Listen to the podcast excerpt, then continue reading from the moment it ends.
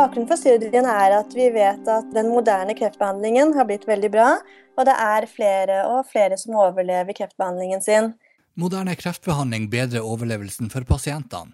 Dessverre gir det også økt risiko for hjerteskade.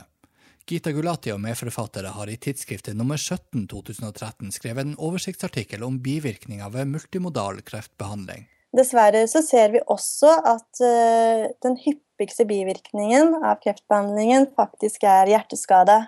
Videre så ser vi at angiotensinreseptorblokkere, ACE-hemmere og betablokkere faktisk kan ha en forebyggende effekt på den hjerteskaden som kan oppstå. Så vi ønsket da å se hvor mye som var gjort av denne forskningen, og om disse medisinene hadde en forebyggende effekt. Forfatterne har gått gjennom relevante artikler for å finne ut mer om forekomst og forebygging av hjertesykdom etter kreftbehandling. Det vi ser, er at eh, cellegift, bl.a. i form av antrasykliner, gir signifikant hjerteskade. Vi så også at trastusamamp, som brukes hos brystkreftpasienter, også gir hjerteskade. Og så ser vi da videre at ca. en tredjedel av alle pasientene som får både antrasyklin og trastuzumab, vil få hjerteskade av varierende grad.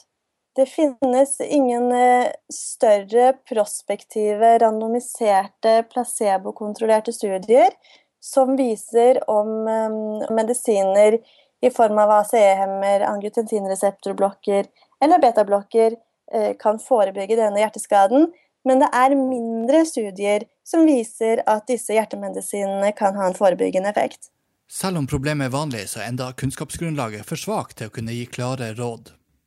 Vel, Foreløpig så finnes det jo ingen anbefalinger i forhold til forebygging av det med cellegiftindusert hjerteskade.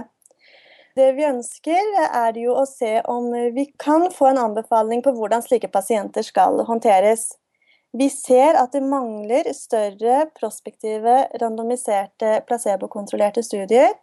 På Ahus foretar vi faktisk nå en slik studie hvor vi ser om vanlige hjertemedisiner som angiotensinreseptorblokker, betablokker og da placebo kan forebygge denne hjerteskaden som man ser oppstå ved cellegiftbehandlingen. Og så bruker vi da sensitive metoder som MR, biomarkører og ekko for å se om hvordan hjertefunksjonen da er. Du kan lese hele oversiktsartikkelen i tidsskriftet nummer 17 2013. Gita Gulati ble intervjua av Ole Kristian Lossvik for tidsskriftets podkast.